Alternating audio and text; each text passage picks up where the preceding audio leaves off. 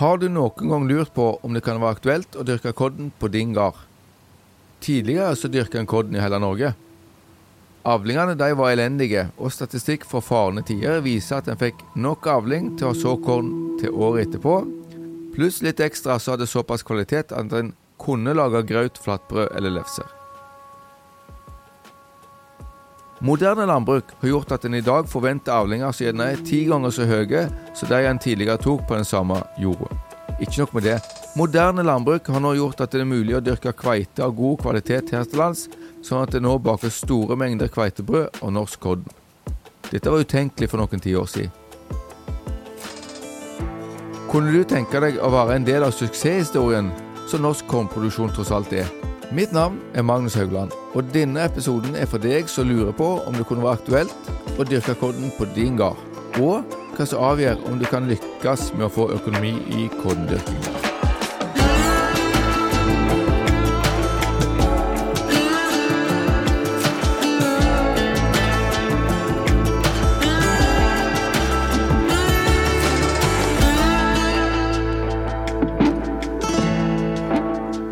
Podkasten Bondevennen blir presentert i samarbeid med Sparebank1 SR-Bank og Tveit Regnskap.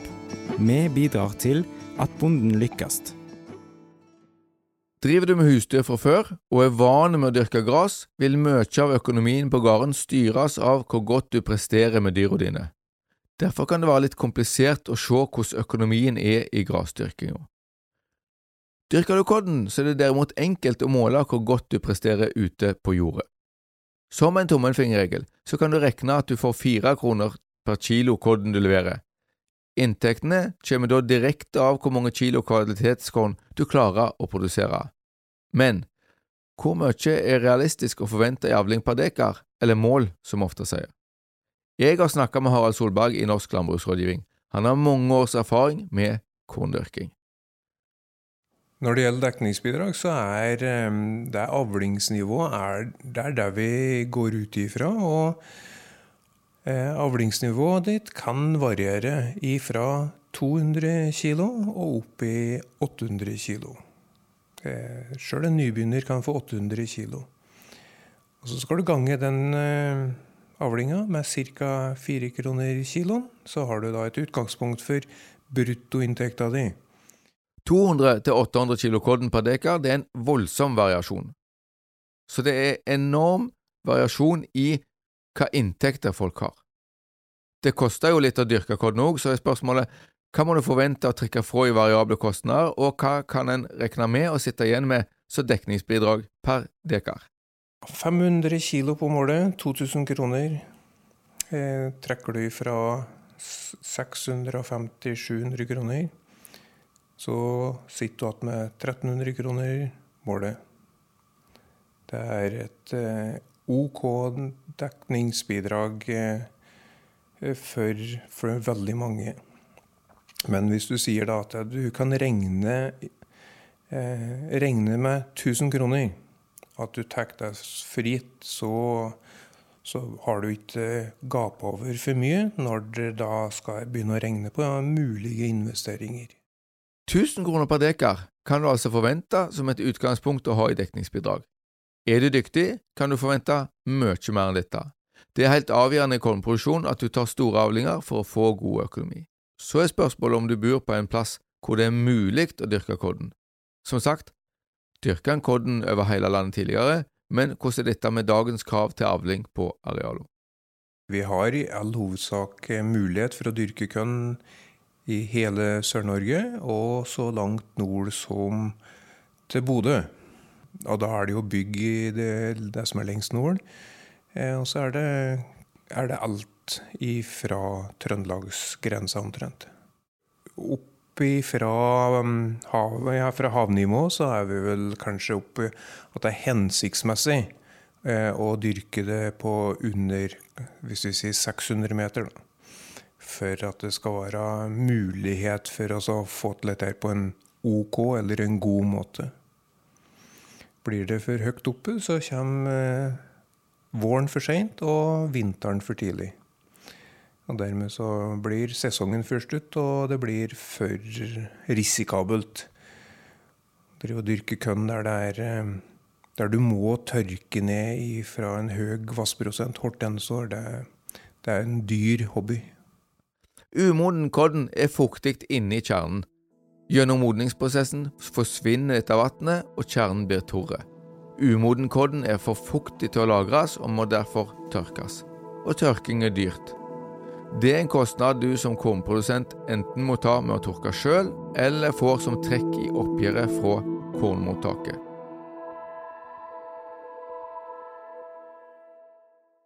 Kodden er på mange måter mer krevende enn gress, men hvilken jord egner seg egentlig for korndyrking? Det som vi vil prioritere, er vel det som da du har drenert, eh, og som du har kalket opp, og som har en pH på 6 til 6,5, det vil være veldig fint. Ellers så skal det gå an å dyrke på det aller meste, men eh, i et område med, med mye nedbør, så vil det være vanskeligere å få til storavlinger på myr enn på fastmark. Så jeg vil være litt skeptisk til å anbefale sånn all over. Men eh, den fastmarka, den det skal ikke være veldig mye som taler for at det skal være vanskelig å få det til, i hvert fall.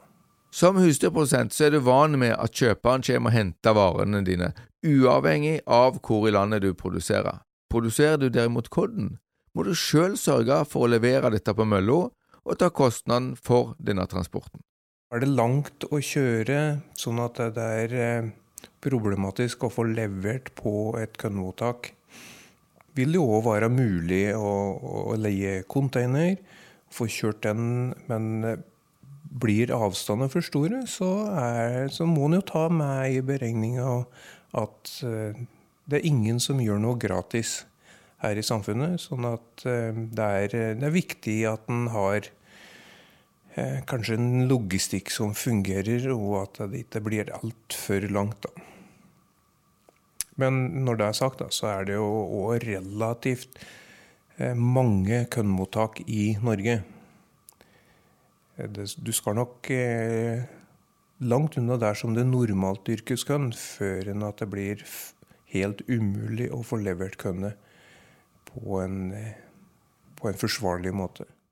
La oss tenke at du har funnet ut at alt ligger til rette for at du kan prøve deg på korndyrking.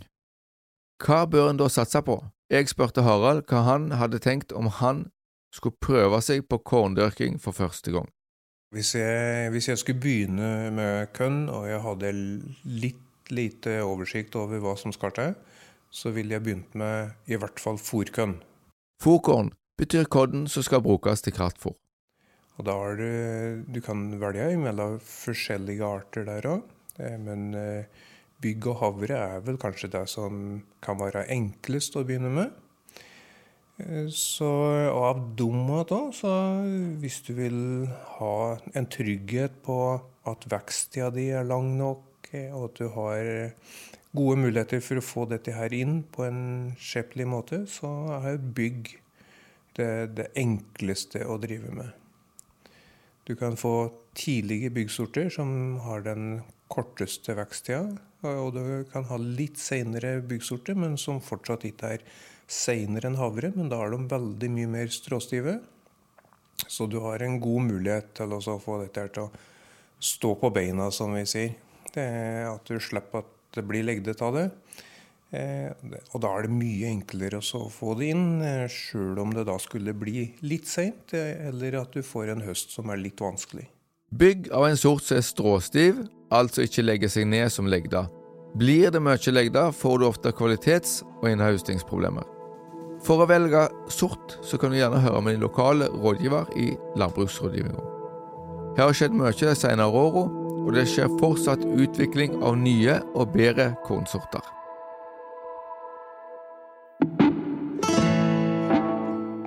Denne episoden er sponsa av Felleskjøpet Rogaland Agder. Felleskjøpet arbeider hver dag for din lønnsomhet som bonde, og for lokal og norsk matproduksjon. Ta kontakt med en av våre konsulenter, eller gå inn på nettsidene våre bondekompaniet.no. Vi har snakka litt om dekningsbidrag. Dekningsbidraget er det du sitter igjen med etter å ha dyrka og solgt kornet, og skal gå til å dekke faste kostnader. Det som er igjen av dekningsbidraget etter at du har trukket for de faste kostnadene, det er overskuddet ditt. Skal en drive med koden, bør det være et mål å få til en god økonomi. Økonomien er avhengig av eh, to ting. Det er eh, avlingsnivå og areal på den ene sida, og så er det kostnadssida på den andre sida. Og da har du de variable kostnadene som da øker etter hvert som arealet ditt øker. Og så har du de faste kostnader, eh, som, er, som må fordeles òg på arealet, men som ligger der uansett. Og ofte så ser vi at de faste kostnadene kanskje er de som drar mest. Eh, og for å sikre deg da at du får en god økonomi i det, så må du unngå at de faste kostnadene dine blir for store i starten. Produserer du bare litt koden, har du liten mulighet til å forsvare store faste kostnader.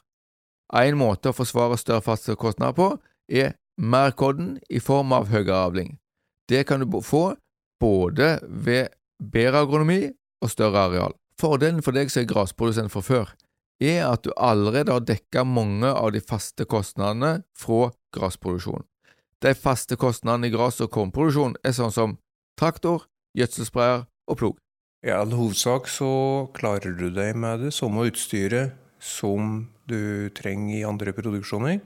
For jordarbeiding, for såing, for sprøyting. Eh, og så er det da den spesielle innhøstinga som Der er det jo for alle kulturer nesten en egen maskin, og det er det jo for eh. Skurtresker, det må en jo ha. Eller må en det? Det å kjøpe seg en trøsker for et svært begrensa areal, det er en dyr sak. Sjølsagt kan du få tak i gamle og små trøskere som har en eh, OK pris, men de har òg en OK eller en begrenset kapasitet. Det er eh, de som kjører kornproduksjonen sin nå på oppi ja, mellom 600 og 800 mål, som ikke har egen trøsker. Nettopp for at de ser det at den kapasiteten de har, der de kanskje er alene på gården, så må de begrense egen, sitt eget arbeid i den fasen som det er mye å gjøre. Da kan de mye heller leie en kar som da har en stor trøsker, og som pusser av dette her på veldig kjapt. Eh, og mens de sjøl da håndterer kornet videre i systemet. Inn på tørker, ruller på tørke, eller levering, da. Ok, en trenger ikke nødvendigvis å investere i dyr tresker for å drive med kodden. Skal en teste ut kornproduksjon, handler altså mye om å unngå faste kostnader. Det, det, du skal ha i tanken i starten, det er at du, du må ikke investere over hugget for å, eh, at du skal begynne med dette her. Men investere i det som er det viktige. Og hvis, ja, hvis du driver som bonde fra før, så er det gode muligheter for å unngå investeringer om du går over til å bli en kornprodusent. Veldig mange plasser så kan du få en eh, kollega til å så for deg. Da står vedkommende for såtraktor, for såmaskin og for såjobben. Og så gjør du det som er av jordarbeiding i forkant. Da slipper du unna den største investeringa, som er på vårsida. Og her kan føres til at en kan leie det meste av utstyr og tjenester for å unngå feilinvesteringer. Det fins entreprenører som tar på seg alt fra pløying til sprøyting om det skulle være nødvendig. Det skal også nevnes at noe av det mest lønnsomme du kan gjøre som bonde, er å sørge for et godt forhold til naboer og kollegaer. Samarbeid om maskiner er mulig så lenge naboforholdene er gode.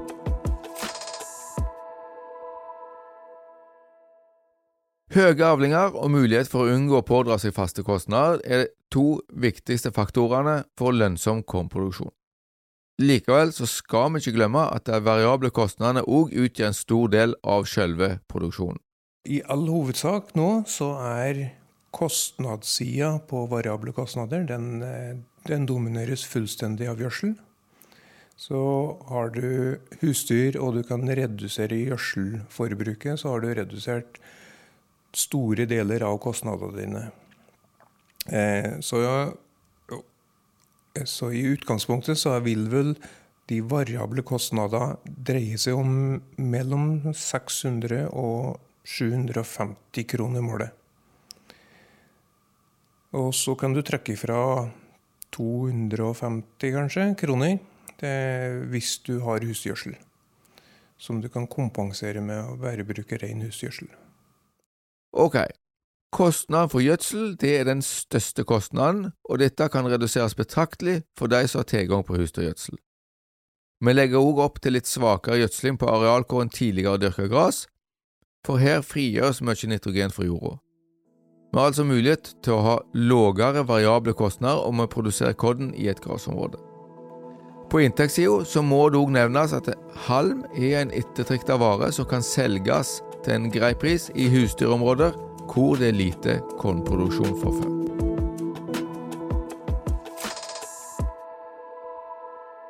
Det finnes flere argumenter for å dyrke korn i grasområder. Som rådgivere ser vi ofte at grasarealene drives best i områder hvor en dyrker korn, og gjerne òg andre vekster. Det er flere forklaringer på det, men Harald er inne på noe her. Du har en alternativ verdi av, av jorda di. Eh, og hvis du kan få 1000 kroner, 1500 kroner målet i dekningsbidrag per dekar som du da slipper å ha gress på, så vil du heller ha mer gress eller større avling eh, på gress enn å kjøre et stort areal med gress. Får en til lønnsom kornproduksjon på arealene, vil det alltid være et alternativ å dyrke kodden om en ikke har behov for alt areal til gress. Arealet har altså en alternativ verdi. Det er noe av utfordringen vi ser i en del grasområder hvor en har overskudd av fôr til dyra. Avlingene går ned, for en har hele tida tilgang på rikelig areal. En får nærmest kaste areal etter seg og får stadig færre insentiver til å ta vare på jorda. Klarer en å få til lønnsom kornproduksjon på overflødig areal, vil det altså bli mer interessant å stelle godt med grasarealet og ta gode avlinger på den jorda òg. Jordressursene på gården det har vi vel egentlig bare til låns for neste generasjon, og da kan kanskje kornproduksjon være et alternativ for å kunne levere den videre i best mulig stand. Vurderer du å starte med kornproduksjon, ønsker jeg at du sitter igjen med dette etter å ha hørt episoden. Korn kan dyrkes i det meste av Norge. Bygg et kornslag hvor du kan finne en enkel sort, så det er stor sjanse for å lykkes med. Bruk rådgiverapparatet til sånne valg. Noen plasser i landet er avstanden for stor til nærmeste kornmottak. Du som bonde tar kostnader med transport, så dette må du ha en god plan på. Lønnsomheten forutsetter at du ikke pådrar deg for mye faste kostnader. Ved liten produksjon må du legge opp til å bruke utstyr du allerede har, kjøpe brukt og billig, eller leie entreprenør. For å få til en lønnsom kornproduksjon, så er du helt avhengig av å ta store avlinger per dekar. Hvordan du får til dette, forteller vi i neste episode, hvor vi har med Arne Vagle fra Norsk landbruksrådgivning i Rogaland. Du har hørt podkasten Bondevennen. Mitt navn er Magnus Haugland, og når jeg ikke lager podkast, så jobber jeg i Norsk landbruksrådgivning. Episoden er spilt inn i ABC Studio Etne, lyd ved Stig Morten Sørheim. Takk for nå.